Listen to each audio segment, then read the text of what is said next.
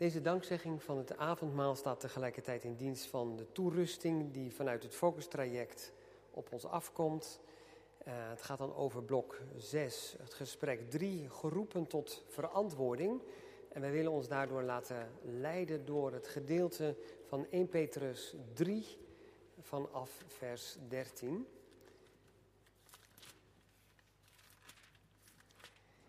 Geroepen tot verantwoording. 1 Petrus 3 vanaf vers 13. Daar schrijft eh, Petrus het volgende. En wie is het die u kwaad zal doen als u navolgers bent van het goede? Maar als u ook zou moeten lijden vanwege de gerechtigheid, dan bent u zalig. Wees niet bevreesd zoals zij bevreesd zijn. Laat u niet in verwarring brengen, maar heilige God, de Heere, in uw hart en wees altijd bereid tot verantwoording aan ieder die u rekenschap vraagt van de hoop die in u is, met zachtmoedigheid en eerbied. En heb een goed geweten, op dat, opdat in datgene waarin zij kwaad van u spreken, als van kwaaddoeners, zij beschaamd gemaakt worden die uw goede levenswandel in Christus belasteren. Want het is beter te lijden, als God dat wil, terwijl u goed doet dan terwijl u kwaad doet. En de basis daarvoor is vers 18, want ook Christus heeft eenmaal voor de zonde geleden, hij die rechtvaardig was voor onrechtvaardigen, opdat hij ons tot God zou brengen. Hij is wel te dood gebracht in het vlees, maar levend gemaakt door de geest. Tot zover. Petrus schrijft in 1 Petrus 3, in vers 14: Wees niet bevreesd zoals zij bevreesd zijn. Laat u niet in verwarring brengen, maar heilig God de Heer in uw hart. En wees altijd bereid tot verantwoording aan ieder die u rekenschap vraagt van de hoop die in u is, met zachtmoedigheid en eerbied. Gemeente van onze Heer Jezus Christus, broeders en zusters, jongens en meisjes. Het is maart van dit jaar als in de krant het NRC een opmerkelijk en openhartige column verschijnt. Dat gaat over de pandemie waar we mee te maken hebben gekregen. En vooral ook de angst en de radeloosheid die dat oproept wanneer beseft wordt dat er echt iets heel groots aan de hand is. Een column wordt geschreven, waarom opvallend? Omdat hier vanwege die angst, hou vast, wordt gezocht in het geloof, nota bene door een ongelovige.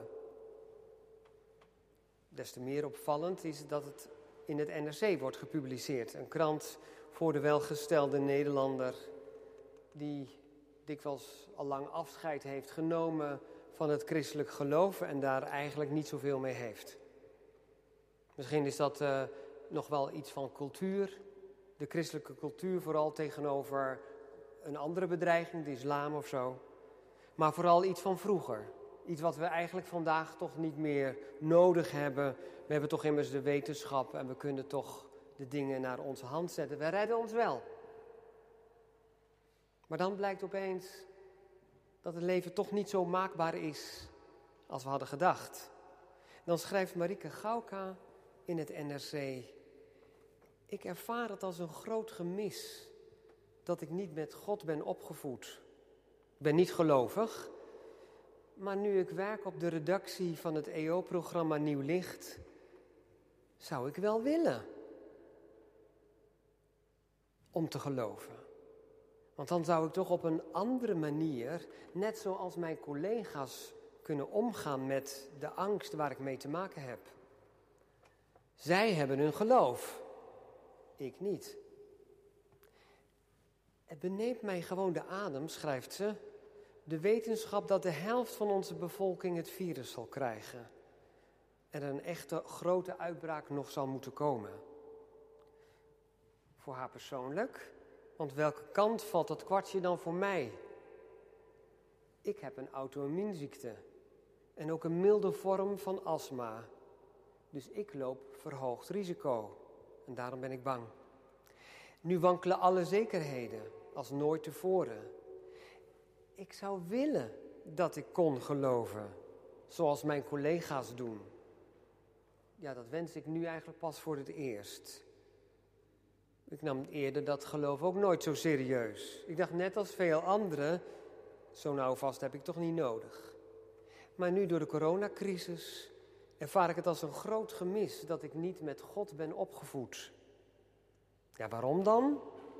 Nou, dat legt ze ook uit. Ik zou ook dat vertrouwen willen voelen dat je in deze bodemloze tijden gedragen wordt.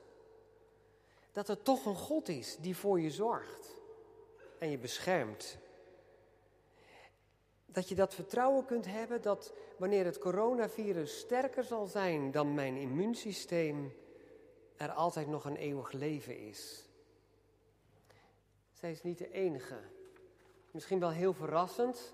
Het heeft ook de pers gehaald. Velen hebben erover geschreven, misschien wel.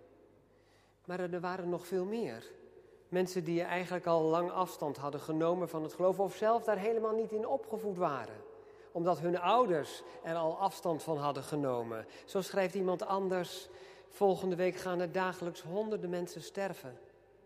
Er is geen ontkomen aan. Maar er zijn niet genoeg spullen, er zijn niet genoeg mensen. De mensen, heel veel mensen zullen alleen sterven zonder dat hun partners of kinderen afscheid van hen kunnen nemen. En dan eindigt die persoon. Ondertussen bid ik dan maar tot God de God van mijn voorouders. Bewaar ons, bescherm ons en houd ons vast. Verrassend? Nou, Petrus schrijft: Wees niet bevreesd zoals zij bevreesd zijn. En Petrus schrijft dat aan gelovigen in Klein-Azië, in het huidige Turkije, als het christelijk geloof dan nog helemaal nieuw is voor die mensen daar. Er zijn jonge gelovigen, mensen die nog net tot geloof zijn gekomen en ervaren dat hun nieuwe levensstijl heel veel vragen oproept bij andere mensen. En iets wat onbekend is en vreemd, roept tegelijkertijd soms ook wel niet alleen uh, afstand, maar ook agressie op. Ze gaan ervaren dat ze eigenlijk weggezet worden als tweederangs burgers. Wat is het vreemd wat jullie geloven? Waarom doen jullie zo? Heeft dat te maken met dat geloven in, in, in een God die zichzelf liet kruisigen? Dat is toch een ergernis? Daar kun je toch niet in geloven? En tegelijkertijd merken dan door die gelovigen wat het dan betekent om de smaad van Christus te dragen. En aan die mensen schrijft Petrus, maar wees niet bang.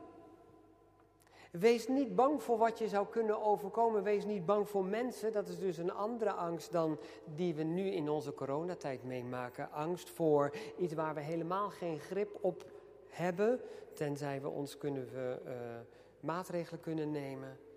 Dus dat is wel een groot verschil, maar uiteindelijk komt het op hetzelfde neer. Hoe kunnen wij als gelovigen anders zijn dan de mensen om ons heen die geen vertrouwen hebben, die dat niet kennen, geen vertrouwen hebben in God.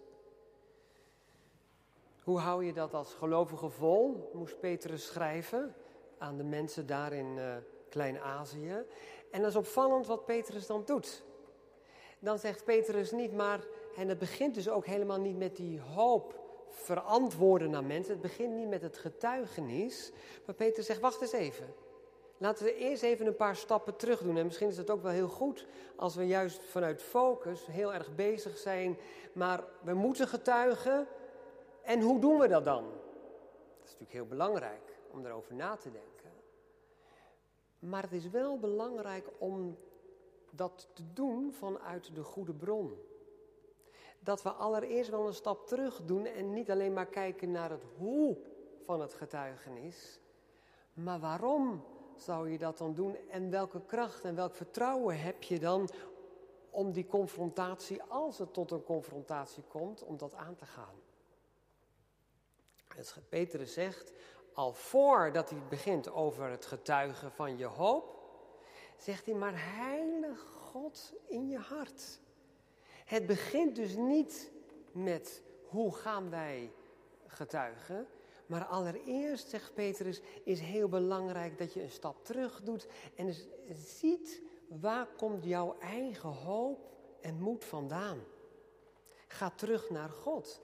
Als je in de moeilijkheden komt en je wordt op de proef gesteld, dan is het heel belangrijk om vanuit de juiste bron te blijven leven. Niet te kijken naar de gevaren, niet te kijken naar de mensen die je van alles en nog wat zouden aan kunnen doen.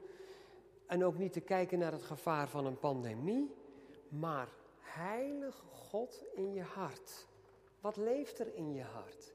Nou gemeente, we hebben vandaag avondmaal gevierd. En we zijn hier aan het avondmaal, daar hebben we ook om gebeden en dat wil God ons ook laten zien. Hij wil ons Christus laten zien. En als we Christus zien, dan ontvangen we de bemoediging en de versterking dat Hij zijn leven heeft gegeven tot in de dood.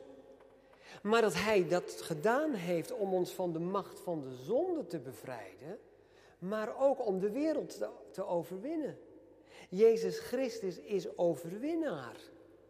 Hij die met ons is, is sterker dan die in de wereld is. Christus zelf is onze hoop. Hij die overwonnen heeft. Hij leeft, hij regeert en is bij ons. En het is heel belangrijk om, om van daaruit te weten, maar als hij leeft, ben ik niet bang voor morgen. Omdat hij leeft, omdat hij regeert, omdat hij mijn leven daarom ook in zijn handen heeft, mag ik weten beschermd te zijn, ook als mij moeilijke dingen overkomen. Ook als ik ziek zou mogen worden. Ook als er dingen gebeuren die ik dan niet in de hand heb. Wij weten, dat weten we door het geloof, dat, wij, dat het leven niet maakbaar is, maar dat we het aan God mogen toevertrouwen.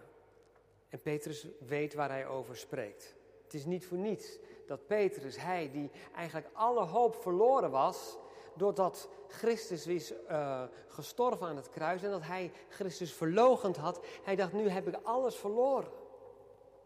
Totdat hij ontdekte dat Christus is opgestaan uit de dood en hem ook zijn verlogening vergaf. En pas wanneer we dat telkens weer voor ogen hebben, heilig God in je hart. Geef God die plek in je leven die hem toekomt. En die plek die hem toekomt, dat is dat hij Heer en Meester is van je leven. En dat hij met zijn macht ons zal beschermen tegen alle kwaad. En wij beleiden als kerk, ook al mocht er dan kwaad in ons leven komen, dan kan het ons niet zomaar bereiken. Dan moet het door de handen van de Heere God heen die ons beschermt. En dan zal Hij ons zo beschermen dat Hij ons door die nacht, door de moeite heen, brengt waar Hij ons hebben wil. Die hoop maakt alle verschil. En dan is het belangrijk dat we, als we dat doen, dat we dat dan ook doen om Hem te eren. Dat we dan dat doen niet omdat we denken, nou, we moeten zo nodig andere mensen de les lezen. Andere mensen vertellen hoe het dan eigenlijk wel zit. Maar het is heel belangrijk dat we dat doen omdat we de Heere God een plek willen geven, niet alleen in ons hart, maar ook in ons leven. Het is bijzonder dat uh, Petrus erover schrijft dat, we dat het gaat over verantwoorden van de hoop die in ons is als mensen ons rekenschap vragen. Is dat u wel eens overkomen? Dat mensen u rekenschap vroegen. Wat is dat eigenlijk? Wat is dan jouw hoop? Wat is dan uw hoop? Wat, wat maakt u dan anders dan, dan mensen die niet geloven? Hoe zit dat eigenlijk? Als ik dat wel eens aan uh, catechisanten vraag, dan zeggen ze, nou eigenlijk is me dat nog niet eens zo heel veel overkomen. Mensen vragen niet eens altijd van wat is nou eigenlijk de hoop vanuit het geloof. Het kan verrassend zijn, zoals deze Marike Gauka dan eigenlijk daarvan getuigt. Het is eigenlijk niet zo dat de mensen op haar werk zelf nou eens dachten van hoe gaan we dat Marieke nou eens even duidelijk maken wat het geloof eigenlijk is. Maar ze hebben er wel over gesproken. Op een hele natuurlijke, misschien wel gewoon bij de koffieautomaat. Toen je koffie ging halen, dan komen toch de angsten en de dingen van elke dag ter sprake. En hoe doen wij dat dan? Het is prachtig dat eh, Focus daar ook eh, handreikingen voor geeft. Probeer dat te doen, zegt uh, Focus. Maak gewoon de verbinding met het gewone leven. En verwacht dan niet dat mensen zitten te wachten op een hele grote preek. Dat mensen dat de geloofsinhoud van wat wij daadwerkelijk geloven, dat we dat helemaal allemaal uit de doeken doen. Maar benader dat vanuit het perspectief van het onderwerp waar je mee bezig bent, wat ter sprake is gekomen. Dat kan in deze tijd de angst zijn om ziek te worden. Juist in een periode dat mensen zeggen, dat kun je zo overal horen. Dat mensen zeggen, ja, gezondheid is maar alles, hè. Hoe gemakkelijk is het om als gelovige daar toch in mee te gaan, in mee te praten? Of kunnen we ook een ander geluid laten horen? Nou, mevrouw, natuurlijk, gezondheid is een heel belangrijk ding en we willen eigenlijk allemaal gezond zijn.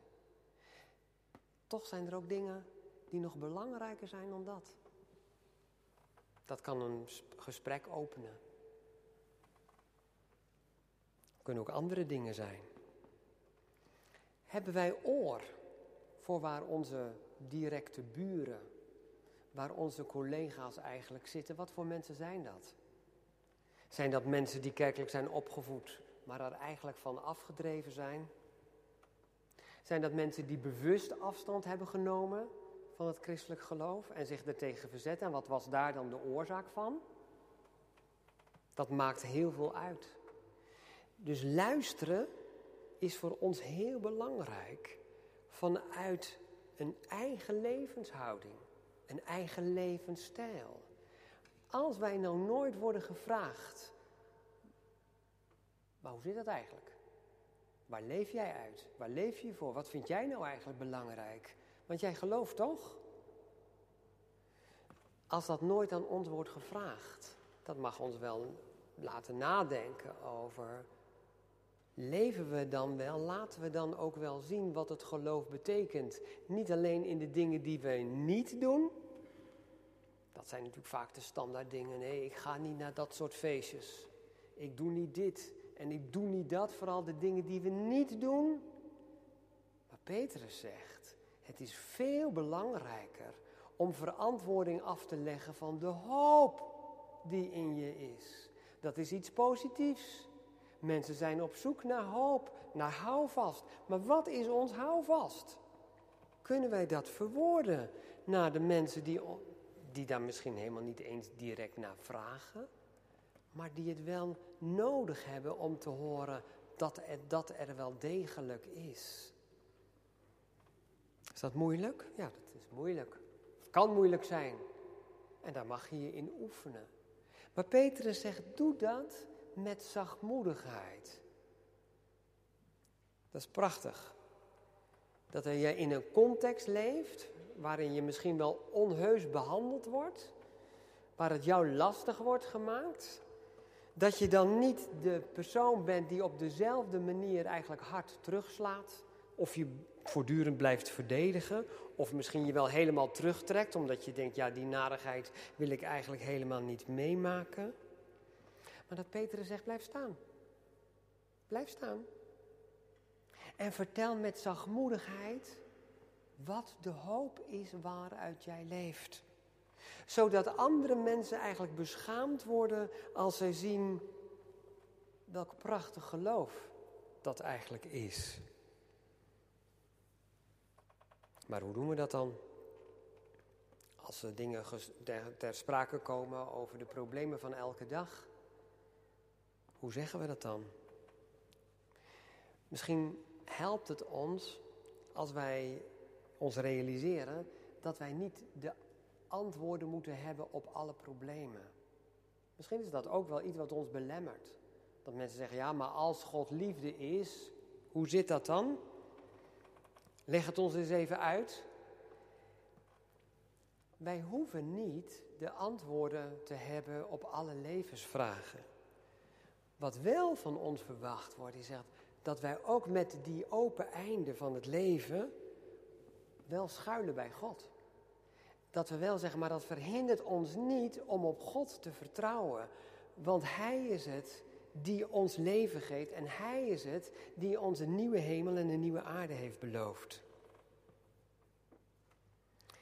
Wat ik in de afgelopen periode zelf ook wel heb gemerkt, is dat juist als we met grote dingen te maken krijgen waar we niet direct antwoord op hebben, en waar de ander ook geen antwoord op heeft, dat we ook zeggen tegen die ander: Mag ik voor u bidden?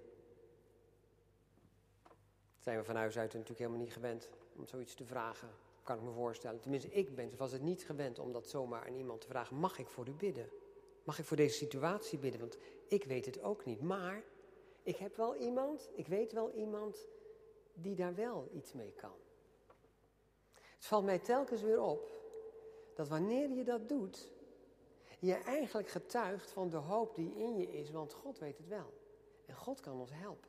Ik weet het niet, ik kan het niet helpen, ik kan jou niet zomaar helpen, maar mag ik voor je bidden? Daarin beleid je je afhankelijkheid ook van God. En wees niet bang voor de reactie die dat op, uh, oproept. Mijn eh, ervaring is dat mensen dat, dat eigenlijk tot mijn grote verrassing eigenlijk altijd heel graag willen. Doe dat maar. Kort geleden werd iemand op het pleintje waar wij woonden, wonen ernstig ziek. En wij hoorden daarvan via, via andere buren. Ernstig ziek. Ik dacht, ja, wat moet ik nu? Laat ik maar naar zijn vrouw toe gaan en horen hoe het werkelijk zit. Luisteren, dat is wat Focus ons ook aanreikt. Meeleven, luisteren achter de vragen die mensen soms hebben. En ook maar aanbieden, mag ik voor, voor jullie bidden? De man om wie het ging was heel ernstig ziek. Men moest vrezen echt voor zijn leven. En ze zeiden, als hij het haalt, dan moet hij nog zoveel weken revalideren in het ziekenhuis, in een ander ziekenhuis als daar waar hij op dat moment lag. We hebben voor hem gebeden. En ook laten weten dat we dat deden. Telkens weer. God doet wonderen. Dat gebeurt.